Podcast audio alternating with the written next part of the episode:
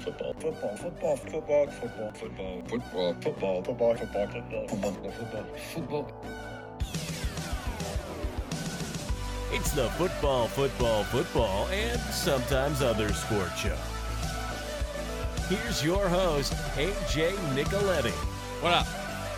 FFFSOSS.com at FFFSOSS, Twitter, Instagram, Twitch.tv slash AJNick3 for the Twitch streams. I don't know when they'll be back. I'm so sad about the Cowboys, if we're being honest.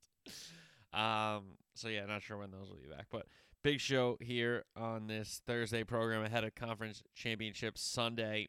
So we'll do Conference Championship Sunday storylines, the kickoff, then we'll go into both games with NFL playoffs, Conference Championships previews, soccer transfer rumors, weekend soccer preview, then a little golf at the end of the pod with uh, T Gate, and uh, they're teaming up at Torrey Pines this week in the PGA Tour, which is really smart because uh, they actually started the tournament on Wednesday, so it finishes on Saturday, so they don't have to go up against the NFL, which is actually like very very smart. So you get a final round on Saturday, which will be fun to watch into uh, the evening because it's on the West Coast. So uh, CBS, if I'm not mistaken. So hello friends. All right, um, so we'll do Conference Championship Sunday storylines. Then we will preview both games with the NFC up first and the AFC game. Then we'll do soccer transfer rumors, weekend soccer preview, and chat a little bit about the golf world. All right, kickoff championship Sunday storylines. This is from CBS. Sunday is set to become the sixth time ever that all four conference championship teams have won 12 plus games in the regular season. So it happened last in 2015, before that 2013, and then three times in the 90s, 98, 91. The first time it happened was 1990. So each of the four teams 12 plus wins in the regular season. Yes, the extra game certainly helps it to get to 12 for some of these teams, but uh, be that as it may, that is still pretty cool. So we got some really good teams matching up this weekend. Start with uh, some news and notes from the NFC game. It's the best offense versus the best defense. The Eagles' offense is ranked number one in points per game and yards per game, and the Niners' defense is ranked one in points allowed per game and yards allowed per game. So we're talking about the two best units in their areas the Eagle offense and the Niner defense going up head to head. The Niner defense, by the way, has not allowed a running back over 100 yards all season. We know how key the running game is for the Philadelphia Eagles. So that's what we will talk about in our preview. Niners, and you flip it over to when the Niners have the ball, it's still a really good matchup because the Niners have a top five offense and the Eagles have the number two defense uh, in the league. So Niners, top five offense, Eagles, top two defense. Philly's the one seed. They're at home. The Linc is going to be going crazy. Um, the only thing that's bad for them is it's not the later game for them to get even more revved up, but that might play out because they could be still bombed from Saturday night going into Sunday if they stay up and just tailgate into the game. So Philly, number one seed at home. All the pressure on them, of course, but um, they will welcome it. San Fran. Can Purdy continue to be the point guard of the Shanahan offense? He's the fifth rookie uh, QB to start a conference championship game. Shaun King, Ben Roethlisberger, Joe Flacco, and Sanchez all did it. They all lost. Roethlisberger in his second year went to the Super Bowl one. So did Russell Wilson, if I'm not mistaken, among some other quarterbacks. So um, Purdy would be the first rookie quarterback to go to the Super Bowl because all those guys that I mentioned, Shaun King, Roethlisberger, Flacco, Sanchez, they all lost. So um, if the Niners can win their 13th in a row here in this championship game, because they've won 12 in a row, the Niners will be playing for a Super Bowl. And that is a really, really great streak to come into this game on full of confidence in your rookie quarterback, full of confidence in the rest of your team, in your coaching staff.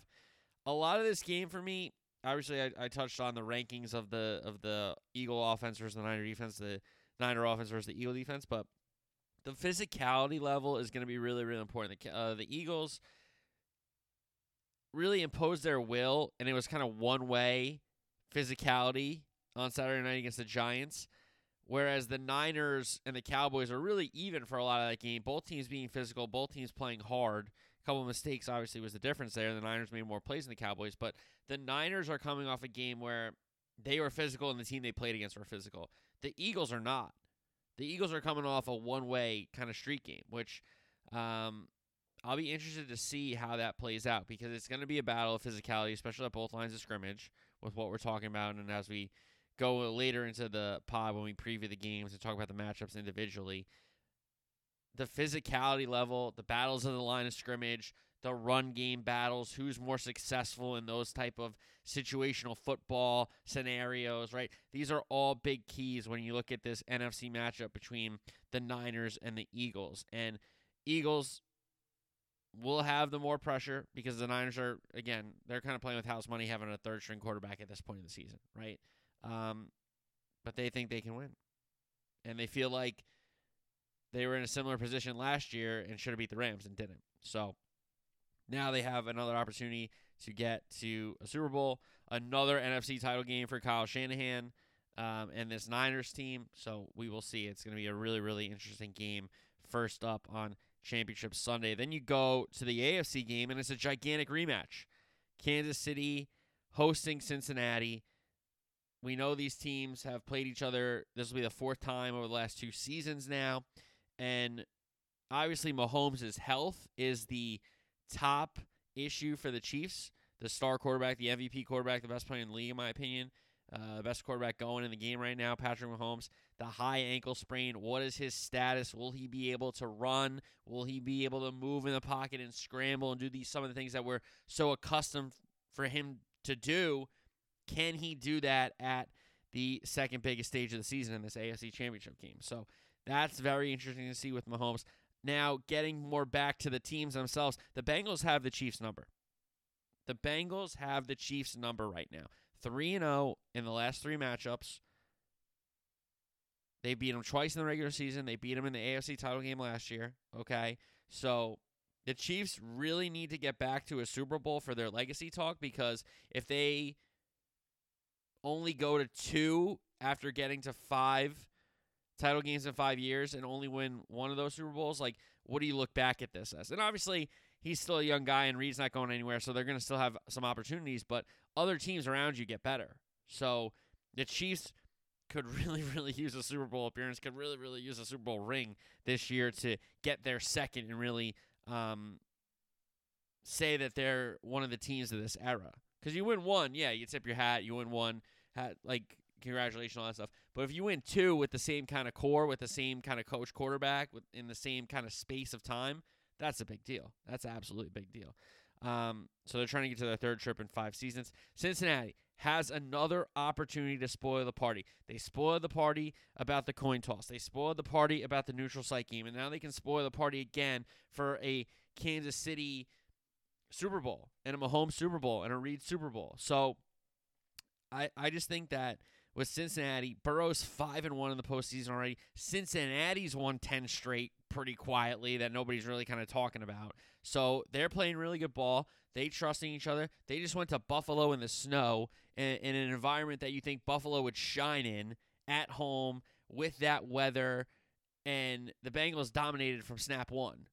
Okay, so Cincinnati is absolutely rip raring to go for this game. They know that Kansas City's a great team, but they've beaten them, so they should have all the confidence in the world. Now, Kansas City should also be a confident team but they know that this Bengal team has beaten them every time they've lined up on the field across from each other. So I think this AFC game could go down in the history books because of what it means for again, and you throw the Bills a bone here, but this idea that the AFC is going to be controlled by these three quarterbacks going forward, and Mahomes in Kansas City, Allen in Buffalo, and Burrow in Cincinnati, uh, you got to subscribe to that theory right now because of what these teams have done the last couple years. So this is not going to be the second and only time we see these two teams matching up. Hopefully, you know, knock on wood here, I'm not wrong about this, but these are going to be some epic matchups, um, whether it's divisional round, whether it's conference championship game. But I'm really excited for both these games. I, I, I think it's some really, really good head coaches. Um, and I knocked Taylor for a long time, and I, I have to give him a ton of credit for what he's done with that uh, organization. So I got to give him credit. I was wrong about him. Um, that's me kind of eating crow there. I don't know much about Sirianni yet. I don't trust them enough, and I don't really like him that much, to be fair. So I'll be nice here. I won't bash him, but I'll just say, hey, a little inexperienced still. Andy Reid is like the king of ti- uh, championship games, but we know his record in it isn't great. We'll get to that. And Kyle Shanahan is a awesome football coach. Look at what he's done this season with San Francisco. You know, to deal with the offseason stuff of Jimmy G and not trading him and keeping him, then to only have Trey Lance go down, then to bring in Jimmy G, only for him to get hurt. So there's just so many things. He's he's developed this rookie quarterback all along, and, and here they go with him, and he's hasn't lost a game as a starter. So Shanahan has just done a fantastic job in the Bay Area with that Niner team. And these two games with what's at stake, the talent level, um, the idea that the Eagles could possibly get a second Super Bowl in this era. Yes, it's a different coach. Yes, it's a different quarterback, but it's still relatively. Um, it, it's on the conscience of all those Eagle fans. They they think they can do it again now that they've done it, right? So uh, that's what it is for the Eagles. The Niners are trying to get back to glory. They've had opportunities not only in the Super Bowl but in NFC title games and haven't gotten it done. Specifically last year, and that's a great matchup, Eagles Niners, and then an AFC clash of Titans, Mahomes, Burrow, two guys at the top of the charts when you talk about the quarterback position, and they're bringing their teams to this level back to back years. And for Mahomes, it's five straight years. And Burrow got hurt his rookie year. Who knows what would happen, right? No, but Burrow has got his team in this position again and he's five and one in the postseason already. That's not a fluke. He's played good teams. So I, am just really, really excited for both these games.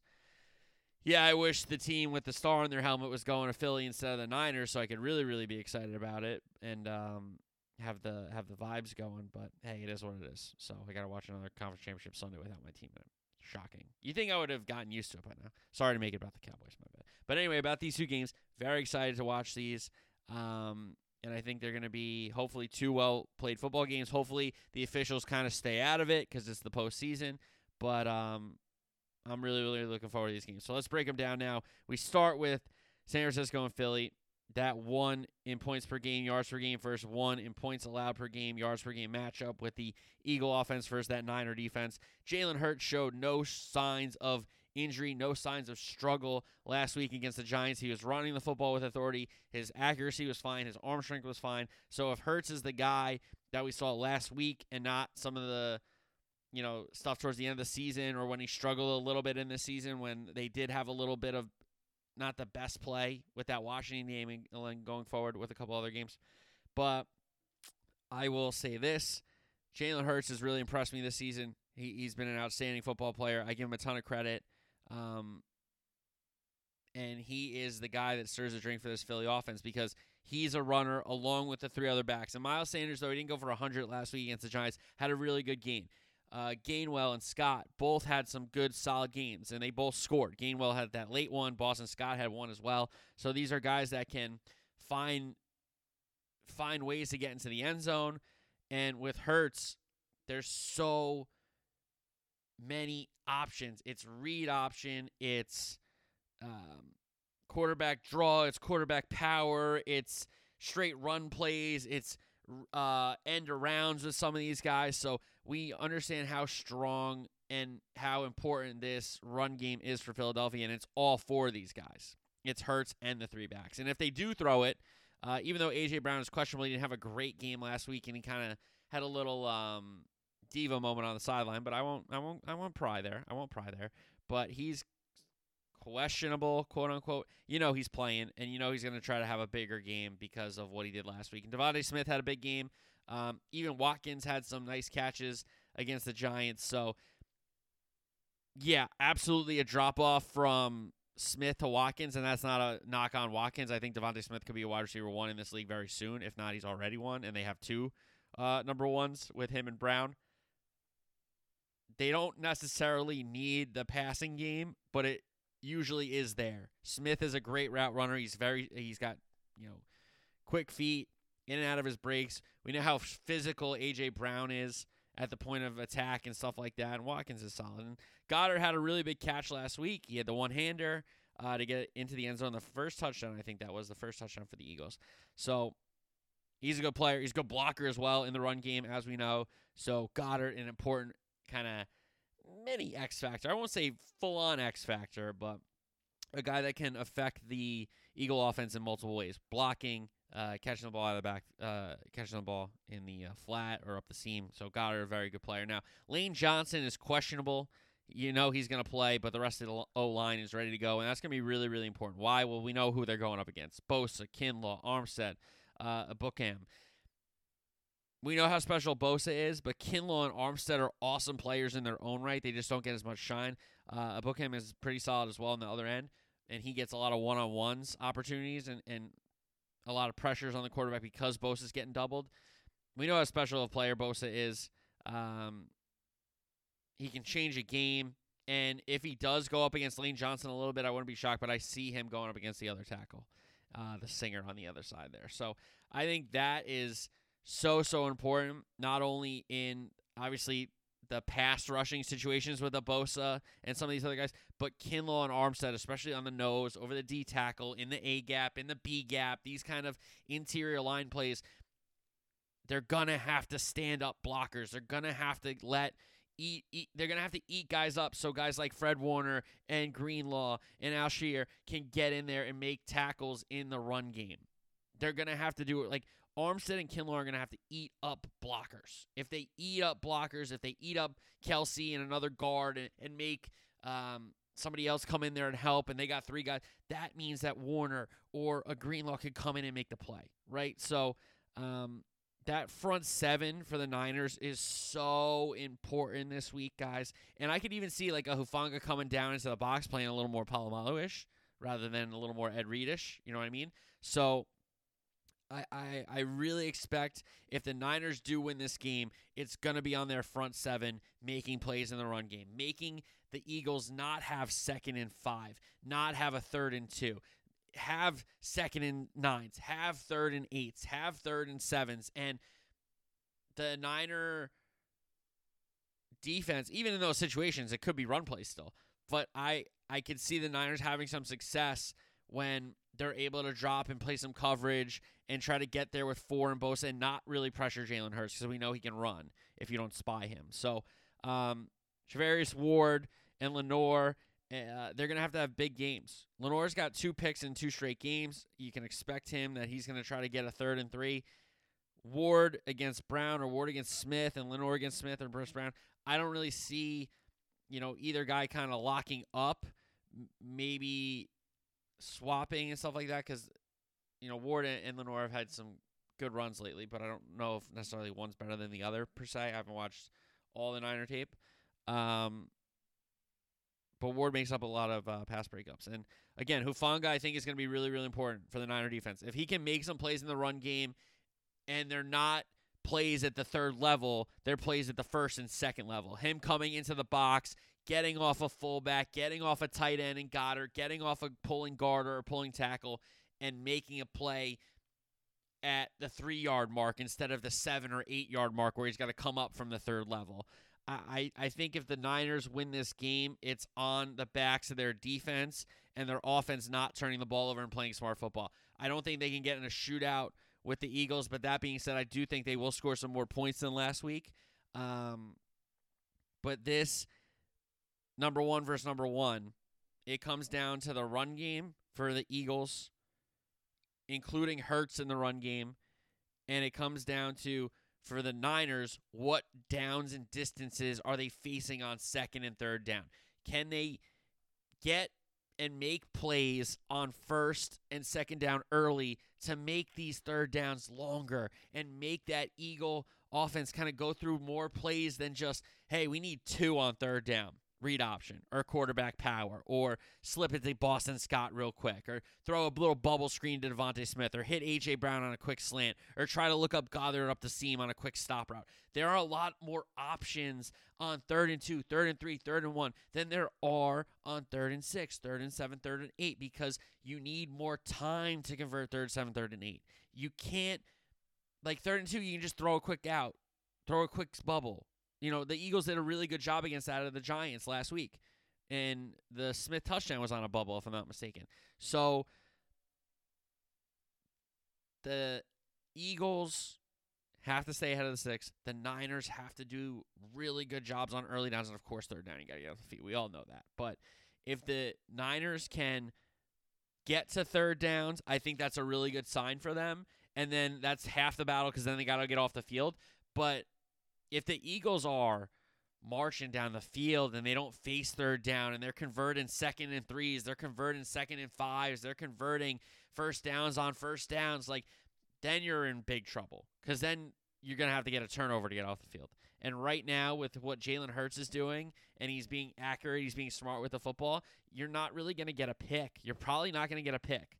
So maybe you get a fumble, but you're probably not going to get a pick the way he's playing. So, Eagles offense versus Niners defense for the Eagles, stay on schedule, run the football, stay out of obvious passing downs that Bosa can pin his ear back and come after Hurts. Niners defense is exactly the opposite. Make big plays on first round, first down, disrupt that running game with tackles for loss. Get inside. Have Hufanga make some plays at the line of scrimmage. Have Gipson come up and make some plays. Even Jimmy Ward, who might have to serve as like a third corner against Watkins, or if he's going to have to do a good job against Goedert, whatever they're going to do with that, Hufanga's got to be like kind of this free role where he might just have Hurts. You know, he might just be responsible for Hurts. If it's a run play, go get him. If it's a pass play, spy him. You know what I mean? But he's going to have to have a big game.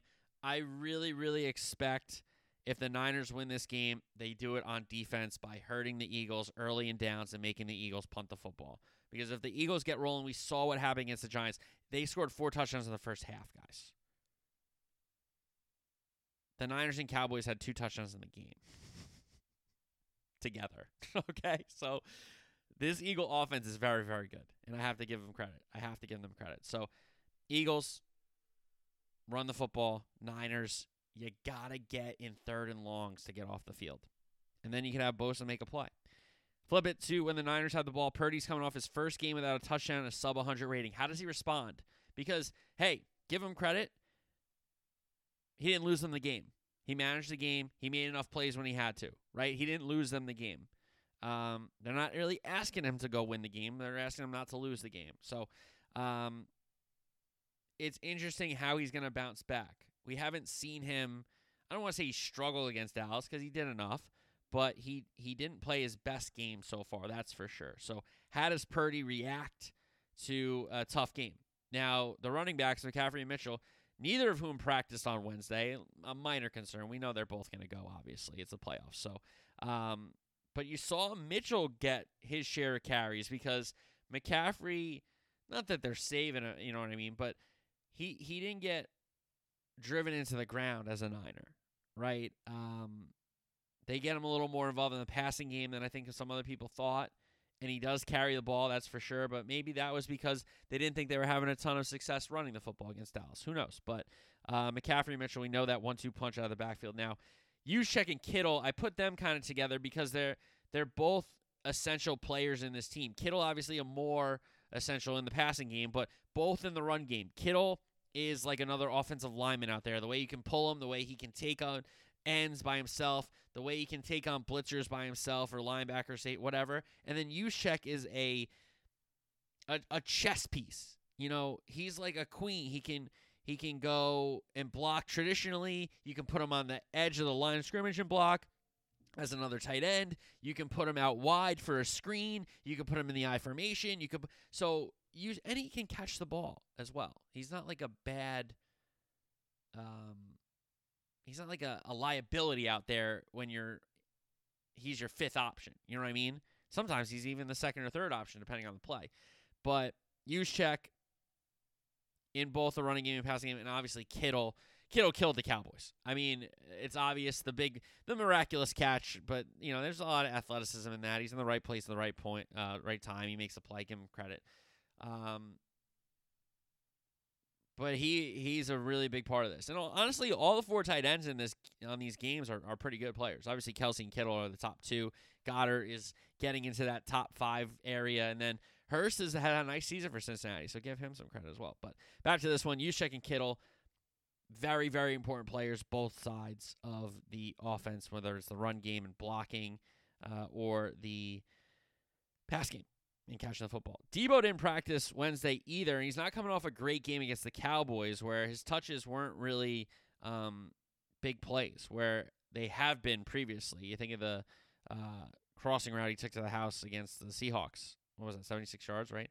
Uh, Aiyuk and Jennings, both relatively quiet. I think Jennings had more yards, to be fair, um, and Aiyuk didn't have a big game. But these are guys that, you know, when the offense is rolling, they make plays. You know, Aiyuk on a on a crossing pattern or a quick slant, making a tough catch. We know Deebo can run all the routes and he's a special, special player. Jennings is a really good target on third downs or short um, yardage scenarios because everybody else is thinking about all the other players. You're thinking about a, a Kittle, you're thinking about a McCaffrey out of the backfield, you're definitely thinking about Deebo and Aiyuk, and then Jennings just runs this little flag route to the sideline and nobody's around him for 10 yards, you know, and Purdy just fits it in there. So we know they got a great offensive line with Williams and McGlinchey at the tackles, but they're going up against a really, really good defense. And we talk about the Niner running game, very similar to what the Eagles are going to do. A lot of team, a lot of people are saying this is like mirrors, um, with both teams trying to run the football in the ways that they do it now. Obviously, with Trey Lance, it would have been a lot more quarterback running, as it it isn't with Jimmy Garoppolo or Brock Purdy. But other than that, they are kind of mirror images. They do love to run the football to set up the passes. Um, they do have playmakers at each position on offense. They do have good offensive lines. And then you flip it over to defense, and both these defenses are really, really talented and really, really good. So you go to this Eagle defense. Look at the depth that they have between inside guys and the outside guys, including uh, outside linebackers. So inside, Fletcher Cox, all pro. Hargrave is a really good young player. Davis is a rookie, stud. And then you have Ndamukong Suh and Linval Joseph just to be rotation guys for you. And I know these guys aren't in their primes anymore, but Suh has played a lot of football. And so has Linval Joseph. And they've been on good teams. So they know what it takes. So I think Suh and Joseph is like your third your fourth and fifth tackle, like your inside guys, whatever you want to call them. Like that's crazy. So they're five deep inside. They're like four or five deep on the outside, how you want to phrase it. Graham, Sweat, Reddick, even Robert Quinn as one of these depth guys outside. And, and Joseph and Quinn came back last week. So those guys up front, any combination of those four, um, even three sometimes, in the run game, in the they're solid enough against the run, but we know the Eagles are built to play from ahead with how they run the ball on offense and how they rush the passer on defense. Graham has double digit sacks. Sweat has double digit sacks. Reddick has double digit sacks. Quinn, if he came early in the season, might have had double digit sacks if he played the whole season. But even Fletcher Cox can get to the quarterback. Hargrave can get to the quarterback. Even though they're there to stop the run and eat blockers, they make plays um, in passing downs. So you got to mention this Eagle front you look at the linebackers in Edwards and White and even Nakobe Dean, the rookie, is that extra linebacker. These are some really, really great players. Some really, really great players. So um, the the battles with Williams on one tackle and McGlinchey on the other going up against fresh pass rushers in a Reddick, in a Sweat, in a Brendan Gray. Like that's going to be a big, big, big key for the Niners. Can they block in obvious passing downs? Will the Eagles bring pressure or do they trust whoever the four are to get home and play coverage against Purdy? Or do they try to bring one more than they can block? It's going to be very, very interesting. Um, and then when the Niners do throw, right, to a Deebo, to an Aiyuk, to a Jennings, to a Kittle, whoever it is, McCaffrey out of the backfield, Mitchell out of the backfield, Bradbury, Slay, Gardner-Johnson, um, even though Gardner-Johnson is technically a safety, he does play some corner, he does play some man. Um, he does play a ton of safety with Blankenship back there as well. But Maddox, the guy that got injured against the Cowboys on Christmas Eve, I'm not mistaken, he could be back this week to join that depth with Bradbury and Slay. Bradbury coming off the game against his former team where he got the big pick. against uh, Daniel Jones. We know how good of a corner Slay is. So is Slay gonna just follow Deebo around, um, and you just try to manage him or, or make sure Slay's with him, and, and you maybe double Aiyuk? I don't know what you do, but you double Kittle maybe. Um, it's gonna be really really interesting. So the Niners again have to do a lot of the things the Eagles offense have to do. Stay ahead of the chains. Don't put it on Purdy um, to win this game because you're not going to win it. And that's not a knock on Purdy. This is like every step and every test he's done a really good job in. I got to give him credit. Tip my hat. But now you're going to the Linc, and this Eagle team is one of the most talented teams in the league. Um, they're obviously one of the best teams in the league with what they've done this season and their record, so you got to tip your hat for that. Um, but this is a winnable game for the Niners. I, I don't understand why people are just writing the Niners off. I don't think that's fair to them. Um, because if you're just writing them off because of the rookie quarterback thing, like, look at what he's done. He hasn't lost a game. And yeah, he didn't play great against the Cowboys. And people are like, well, you know what? Either team, the Cowboys or the uh, or the Niners, I wouldn't pick them to beat Philly anyway. Okay, it's a week ago. It's a different game now. It's a different opponent. It's a different strategy and all these kind of things, game plans, execute. So I don't know. To me, I don't really love that. I, I think the the Niners could absolutely win this football game. Um, and when you look at the special teams, Elliott and Gould, good kickers. Gould hasn't missed. We know that. I tried to drink jinx him on the stream. It didn't work. Elliott, very strong kicker. Um, won a bunch of games for the Eagles in his career. Kern, a good punter. Wishnowsky, a good punter. You look at the return guys. McCloud fumbled against the Cowboys, but he had a big return uh, later in the game. So he's kind of that guy that definitely has the fumbles in him. He fumbled in Pittsburgh. I think that's why he's not there anymore. And um, he's a solid enough return man when he doesn't fumble. That's for sure. You look at the Eagles guys. Boston Scott's going to return kicks. Covey returns the punts. Third down numbers. Philly was 10 of 14 against the Giants. Got off the field 8 out of 13 times on defense, 1 of 3. The Giants converted on fourth down. Uh, offensively for the Niners, 13 of 25 through two games. The opponents are 11 of 28 against them on their defense. They haven't stopped a fourth down yet, though. So they've given up three conversions on three attempts on fourth down. Red zone, Eagles, five trips, four touchdowns, one field goal. Pretty good. Defense, they've only given up the one trip to the Giants, and the Giants did punch it in for a Breida touchdown, if I'm not mistaken. Niner offense, nine trips, four touchdowns, five field goals. So they have scored on all nine trips. Obviously, you'd want that to be a couple more touchdowns than field goals, but you got to get points some way. Uh, defensively, they have conceded six trips, only three touchdowns given up. They gave up a field goal. They got a pick and a fumble as well. The fumble was Geno Smith. The pick was Dak Prescott. Turnovers, Eagles got one interception off dimes. It was the Bradberry pick. Niners have given it away with the McCloud fumble against the Cowboys, but the defense has three picks and a fumble. One against Geno in the fumble, and then two Dak Prescott interceptions. Again, special teams, very good kickers and punters. Um, and there has been a little bit of sudden change in both these teams' matchups. Coaching, Sirianni versus Shanahan. I really like Kyle Shanahan. I really don't like Nick Sirianni. I think that's obvious. Um, it's not just because he's the Eagle coach. If he was the Colts coach, I wouldn't like him. If he was the Commander coach, I wouldn't like him. If he was the Raider coach, I wouldn't. Li- I just don't like him. I don't like his aura. I don't like his vibes. I don't like his attitude. You haven't won anything yet, and you act like you have. I don't. I don't really like that. Um, I don't know, but he embodies the city, I guess you could say. So they eat it up, which is fine. Whatever. What are you gonna do? Um, but I'll take Shanahan here. Shanahan's one of the best X's and O's game planning, execution, play design guys in the league right now. Yeah, he has a couple faults, um, but I think he's a, a really, really good coach. And I'm going to pick San Francisco. I don't think there's a lot of people giving them a chance. I don't think that should happen when you get to the title game. I think there should be people that give you opportunities, uh, or at least say that you're not going to get blown out. And yeah, if you just watch last week's games, you watch the Eagles blow out a team and you watch the Niners win a close game at home. Like, oh yeah, I think the team that's gonna that just blew out a team is gonna blow out this team. Sure, easy thinking, you know, easy way to think about it. But for me, this is a team that in San Francisco that has just won game after game after game with different quarterback and different quarterback and different system and different style with different weapons. And some people have been hurt and some people haven't been. Like, all this Niner team has done is won football games. That's all they've done. Win football game after football game after football game after football game. Continued. And though I think the Eagles have had a great season, I just think at some point the cockiness is going to come to bite them. So hopefully it's Sunday and we don't have to deal with the Eagles possibly in the Super Bowl because I don't know what I would do. That would be really bad. That would be really bad. So I'm going to pick San Francisco 27 23. Not a very high scoring game, but not a low scoring game. Okay. All right.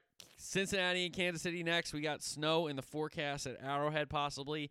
Cincinnati, as you know, have won three straight against Kansas City two in the regular season, last two regular seasons, and then last year's AFC Championship overtime win in Arrowhead. When the Chiefs had the ball, Mahomes, the high ankle sprain status, no boot, walking around, doesn't seem like he's limping that much, but he isn't running around, you know? So we'll see what happens now.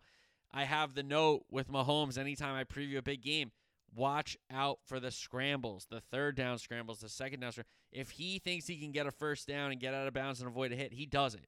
You know, even if it could be a big play down the field, he understands how important first downs are. He understands how important uh, keeping the chains moving are, how important holding the ball is and not forcing anything uh, like he used to at Tech.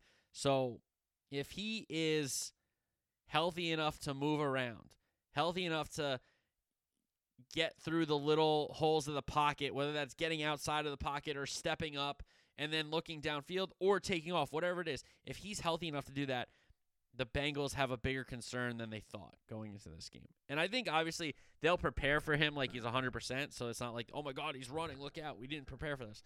They've played him three times. They've beaten him. So they know how he can take off and make plays with his legs. Now, the traditional running backs, Pacheco's been a, an outstanding, outstanding player for this Chiefs team in his rookie year. McKinnon, not so much in the run game, but in the pass game, whether that's screens or after he protects and, and is the dump off guy. McKinnon, besides last week, has had eight touchdowns in six games, if I'm not mistaken. So last week he didn't get a touchdown. Um, even Ronald Jones, if he's active, like gets carries somehow, and they did activate Edwards Helaire off IR, but I I doubt he's in the game um, on Sunday. But Pacheco runs hard. He runs hard. He gets those legs moving. He gets those hard yards. He almost broke one last week. Um, and if the Chiefs can run the ball, keep the football away from Joe Burrow, capitalize with touchdowns, they can end this streak against Cincinnati for sure. Now, Kelce coming off a record performance 14 catches on 17 targets, two touchdowns in that game against the Jags. He was outstanding. And so many people, including myself, there was the concern that how good is this offense going to be without Tyreek Hill? and just with Kelce and a bunch of guys at wide receiver. Well, the guys in wide receiver have stepped up, which I'll get to in a second, but Kelce has gotten even better. And you didn't think that was possible because he's been so good. And he's put up such big numbers and he runs such great routes and he is physical and he gets the ball in the end zone and he, if he catches it at the five, he's going to score. Like a lot of guys, if you throw it to him before the end zone, they're not going to score. They don't have the little shiftability, quick, you know, because everybody's got it at this level. You're very talented. You're in the 1% of the 1% of the 1%. You know what I mean? So what separates these guys is like crazy. And Kelce has it. And he's outstanding, outstanding football player. Now, the wide receivers. Valdes Scantling coming off a touchdown. Smith Schuster had a nice game. Toney had some big plays. Hardman trying to get back active. He was inactive last game, but he can certainly help them out with their with his speed if he's able to go. You got Skyy Moore, you got Watson, you got Gray as well. Gray the backup tight end, Watson another receiver. So again, a talented bunch, but not like oh that guy's a wide receiver one, that guy's a wide receiver one. Oh look at this, it's crazy. It's not like Cincinnati that has the three, um, the best three tandem, right? This Kansas City tandem, you know, and crew isn't bad, but it's not like what the Bengals have. So um, those are the weapons for Mahomes. Now up front, you know, Brown's been good. Wylie has given up some sacks on the other side. Humphrey's an outstanding interior lineman. They got really good linemen. They got three polos. They got some all pros on that line. And that's really important because we saw what Cincinnati did to Buffalo. They dominated them on the offensive line, they dominated them on the defensive line. And with Hubbard and Hendrickson on the outside, they have gotten to Mahomes. They have made big plays against Mahomes in these three games. And then inside with Reader and Hill, they've done a solid job of either getting pressure on Mahomes from uh, in his face. You know, the thing that Tom Brady, we know Tom Brady doesn't like pressure up the interior in his face because he doesn't scramble. We know that. Cincinnati does a really good job of that. They've done a good job against that against Mahomes, with that against Mahomes. And Reader and Hill didn't have great games last week. Now, you can see that different ways. You could say, hey, they didn't have an impact on the stat sheet, but if you watch the game, you saw that they were impacting the play. They did that. So those four, Hubbard and Hendrickson, have had a really, really good run against uh, Kansas City. Reader and Hill, even though they didn't have the numbers last week, they stepped up and made plays. Um, so those are the guys up front. Then you go to the second level: Wilson, Pratt, Davis, Gaither. Um, they're players. Wilson and Pratt are players, and they're gonna have to do a job against Kelce. And we'll talk about the secondary in a second with Bates and Bell. But who's covering Kelce? Are you gonna zone him? Mahomes is good against zone coverage. He's good against man coverage. He's good against the blitz. He's good against when you bring four. He's just a really good player. What do you want to do? He's a great player. So you go to the back end now. Flowers is questionable, but the rest of the back end is all good. Taylor Britt had that interception against Allen late to seal it, even though it was pretty much done. Eli Apple had a big game. Hilton, I think, led the team in tackles, the little corner. And then Bell and Bates. Such good safeties two of the best in the game, two of the like maybe the top safety combo. Uh, unless you look at Buffalo, even though they didn't really they weren't really healthy. Uh, but Bell and Bates, outstanding players on that back end for Cincinnati. So can Mahomes and company make the plays? We know that downs and distances really don't matter for them because of the creativity that Andy Reid has um, in the in the play design. Eric Bieniemy and Matt Nagy, even though it necessarily hasn't worked out for Nagy as a head coach, and we don't know Bieniemy at this level. We know him only in college, but these guys are really top offensive minds and creative offensive minds, and it seems like a lot of those guys and Mahomes are on the same page, whether it comes to calling plays or situational ball and all that kind of stuff. So, if Kansas City can do enough in the run game to keep Cincinnati honest and not just sit back, because if since if Kansas City's not running the ball effectively, you can just sit back and, and have Reader and Hill make all those plays up front, and you don't have you could play coverage, and you don't have to blitz and all these kind of things. So, um, that's the story when Kansas City has the ball. Flip it over to Cincinnati. Burrow, uh, same kind of thing Mahomes does. He's not like a runner, but he will scramble. He will take off. He will get first downs on you. So if you're in second and short, or even a third and long, or third and whatever, you have to either spy him or understand that if you're in man or zone, whatever, you also have to be aware of his legs. And we know that he's not the biggest runner. He's not going to take off every play, but in big moments, he will certainly use his legs to get first downs. That is for sure. Now, the traditional running game and Mixon and Perine, Mixon had a big game in Buffalo. Um, right from the start, I think he had runs of like 16 and 12 and 11, and he was running the ball hard.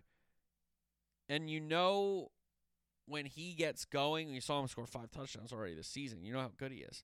Um, when you see him run the football effectively and set the passing game in good situations where they can take shots on second down and then even still convert on third down. Because uh, if he gets like six or seven and you got second and three, why not take a shot with a Tee Higgins down the field? You know, um, Perine has done really well, whether that's in pass protection, whether those are the scarce carries he get he gets. He's done a nice job. But we know he's really important in the screen game. We know he's really important as a pass protector. We know really uh, we know how really important he is in the kind of dump off game. So Mixon and Perine, we know how big they are in the Cincinnati offense. Now, again, the three best receivers on one team are Ja'Marr Chase, Tee Higgins, and Tyler Boyd. There's no doubt in my mind. Even Irwin has, has emerged as a really nice four, but you don't really concern yourself with him because you have Chase and Higgins and Boyd. Higgins is a really, really tough guard, physical, wins a lot of 50-50 balls. He calls them 80-20 balls. We know how special Ja'Marr Chase is. Okay, one of the one of the top receiver, if not top one, he's top two. If it's not Jefferson, it's him. I think it's him. So you know how special he is. And Boyd in the slot, working the inside. You get him on a linebacker, you get him on a safety in a mismatch. Like that's just calling for it. Um, so they're outstanding players. Chase Higgins, Boyd. We know that.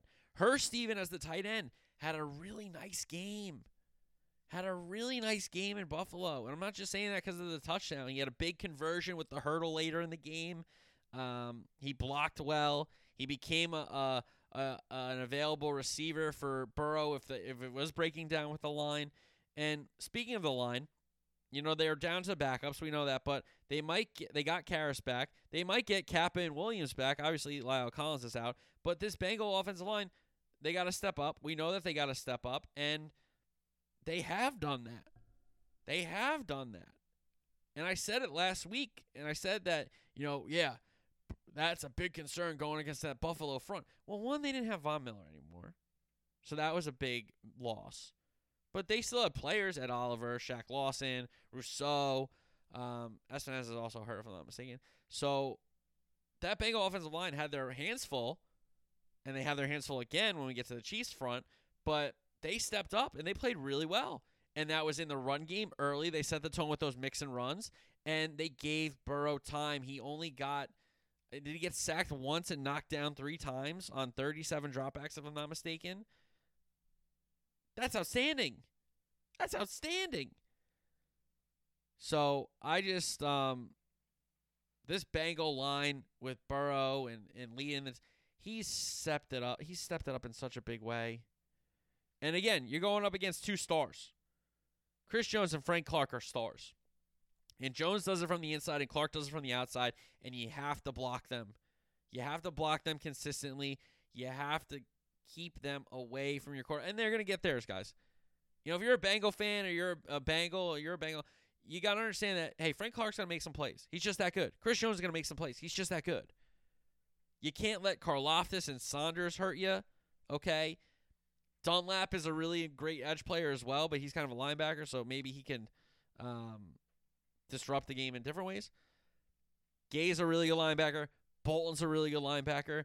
They are players. These guys are players. And on the back end, Sneed, McDuffie, Watson, the safeties, Reid and Thornhill.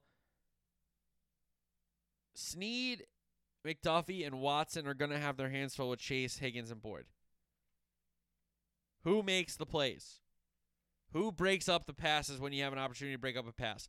Who um, gets an illegal contact called on them on a third down to keep a drive alive.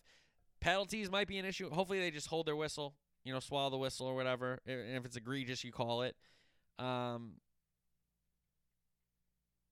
but the keys here can the Bengal line protect Burrow? And can the Chiefs guard those three receivers? Because they've killed them. Higgins, Boyd, and Chase have killed the Chiefs. And Mixon had even a good game. And we know how good Burrow is. We know how good he is. I told you on M&A, if you listen to M&A, you listen to the show. When Burrow's LSU beat UCF, right? I think it was the Fiesta Bowl, if I'm not mistaken. He threw a pick six. The guy lit him up, and the other one guy chatted at him in his ear. And since that moment, this guy's been a different guy. And he refuses to lose big games. He refuses not to play hard. He refuses to go down without fights. And I like I love Mahomes. I think Kansas City is a great team. I've even come along on Andy Reid after I hated him for so many years.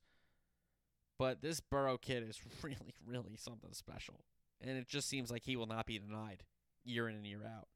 Uh, special teams Butker, Townsend, the kicking punt combination for the Chiefs. Butker, we know, makes big kicks. He does have the tendency to miss an extra point or a field goal here and there, but he doesn't really miss them in the postseason. Townsend's a good punter. Pacheco, running back, kicks. We know he's electric. And Toney, running back, punts. Another guy. Two guys that can break him, for sure. Now you go to the Bengals. McPherson has been solid. You know, has a couple struggles here and there, misses a couple kicks in a game, whatever, but then comes back and makes a bunch of kicks after that. Uh, Chrisman has had a uh, good season as the punter for the Bengals, and then you got Williams on kickoffs and Taylor on punts for the Bengals special teams returners. All right, go to the stats now. Third down, KC was 6 of 12 on offense. Jags were 7 of 13 against the Chiefs. Cincinnati on offense, 10 of 23 converting third down. In the two games, the offenses against that Cincinnati defense, 8 of 23. So they're doing a good job on third down. Uh, fourth down, they've given up three conversions on five attempts, the Cincinnati defense. Red zone, KC, three trips against the Jags, three touchdowns defensively. Uh, conceded three trips, two touchdowns, and they got the fumble, the Agnew fumble that uh, really hurt the Jags' chances of coming back in that game. Cincinnati offense through two games, six trips, four touchdowns, two field goals. Defensively, they've given up seven trips, two touchdowns, two field goals conceded. They've turned the teams over on downs twice, and then they got that uh, miraculous 98 yard fumble return by Sam Hubbard in that game against the Ravens. Uh, turnovers KC has no giveaways. They got a pick and a fumble in that game against the Jags. Lawrence threw the pick and Agnew fumble. Cincinnati, Burrow has a pick, and then um, defensively, they got two picks and a fumble recovered on defense. Special teams, another really good group of specialists, as I mentioned when we uh, broke that down. Coaches, Reid first, Taylor. Taylor three and zero against Andy Reid. Andy Reid is three and six in conference championship games, so not the best record in the world. And though I think there's gonna be so many people on Kansas City because now they're a dog, right? At home, I think Cincinnati wins this game. I think so many people are gonna be on Kansas City at Arrowhead. Mahomes, if he's healthy enough, like how do you, how are they an underdog? Whatever. Um, I think Cincinnati finds a way to win the game. I think Burrow is just that kind of guy, and I'm not knocking Mahomes. Um, but Kansas City, besides the Buffalo games, they've kind of found ways to lose some of these games. Whether that's a crucial three and out, whether that's not getting off the field in a big spot. Against Cincinnati, Cincinnati has made the bigger plays in the bigger moments.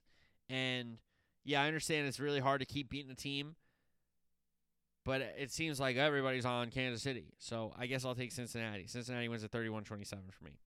And I think it's a great game. I think I think we get two great games on Sunday. So I'll have a Niners Bengals Super Bowl at this point. And if the Eagles are in it, um, that's not good. That's not good for my health. Uh, midweek soccer preview uh, recap. Sorry, Carabao Cup semifinal leg ones. Southampton and Newcastle at St. Mary's. Newcastle won at one 0 It's a Joelinton goal for the uh, Magpies. Caleta-Car had two yellows, so he got sent off for Southampton in the second half. Then Nottingham Forest hosted Man U in the other semifinal at the City Ground. United win at 3 0. Rashford continues his great uh, resurgence after the World Cup. Weghorst scored, and then Bruno Fernandes got a third that is really, really going to hurt Forest going back to Unite uh, to Old Trafford for the second leg because you know you lose two 0 at home. At least if you get a goal away and you're keeping a clean sheet, you have a chance to force extra time and stuff like that. You give up three in your own place. it's a really, really tough thing to do to turn that around. So uh, Serie A, Lazio, Milan. Lazio beat Milan 4 0. That's a bad showing for Milan. Bundesliga, Bayern and Cologne 1 1. They needed a Kimmich 90 minute, 90th minute equalizer to draw the points there. And then, some of you have heard this before. Dortmund uh, tied late, and it was a Gio Reyna stoppage time winner for the second game in a row.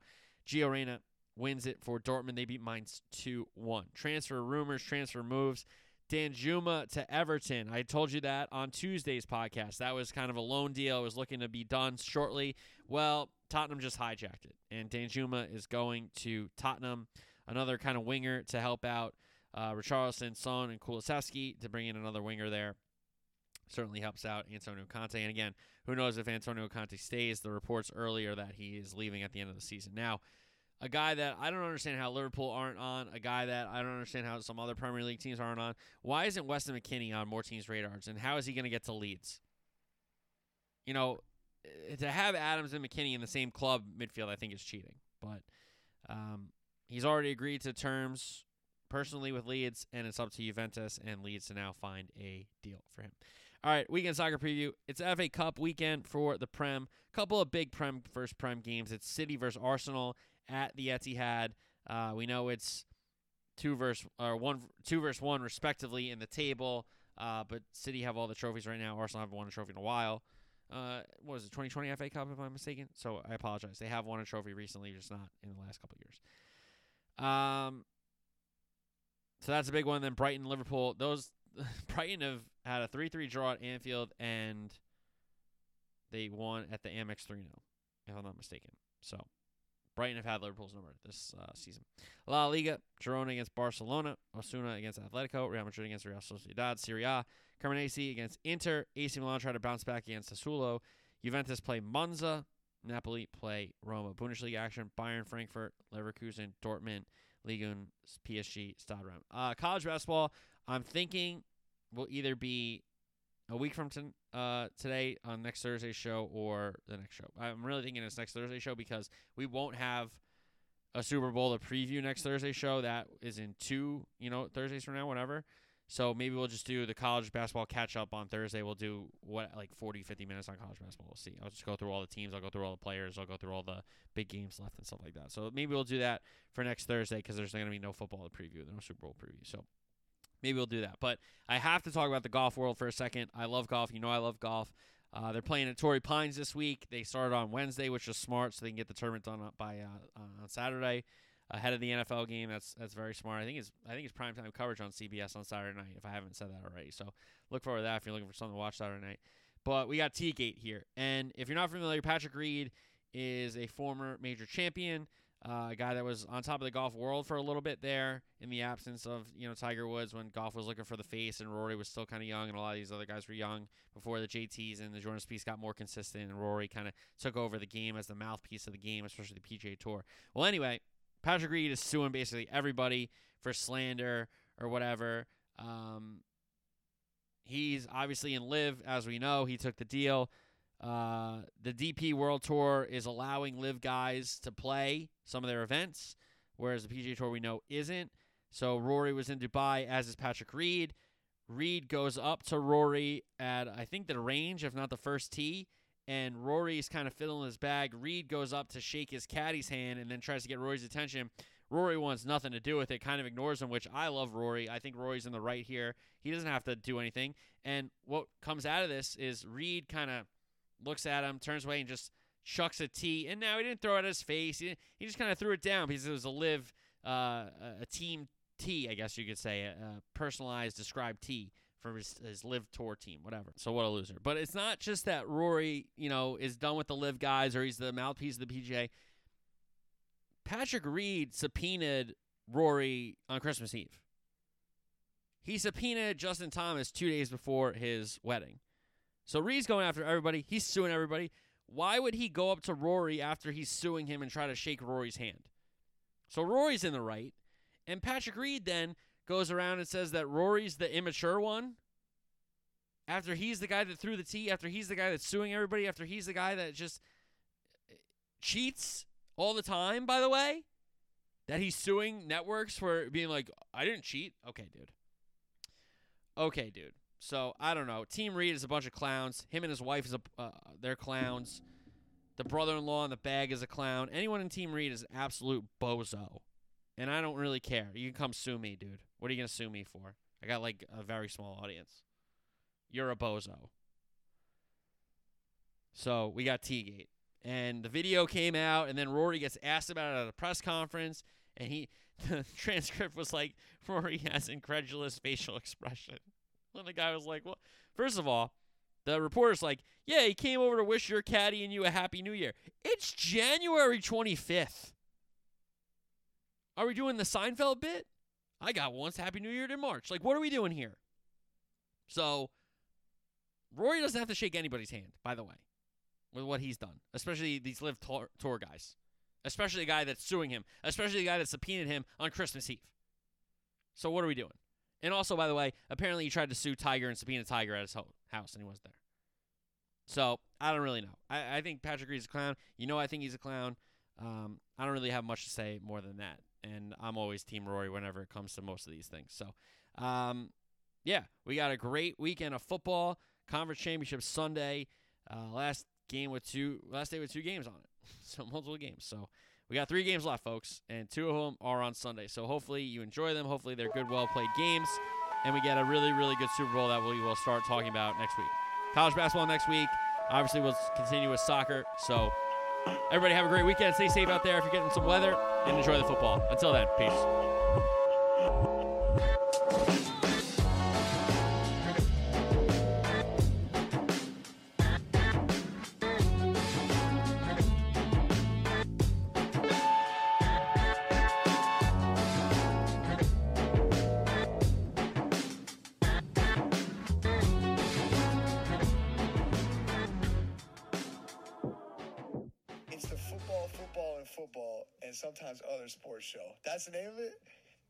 Check out his podcast. That sounds like my kind of podcast. Football, football, football, and sometimes other sports show. Sounds like me.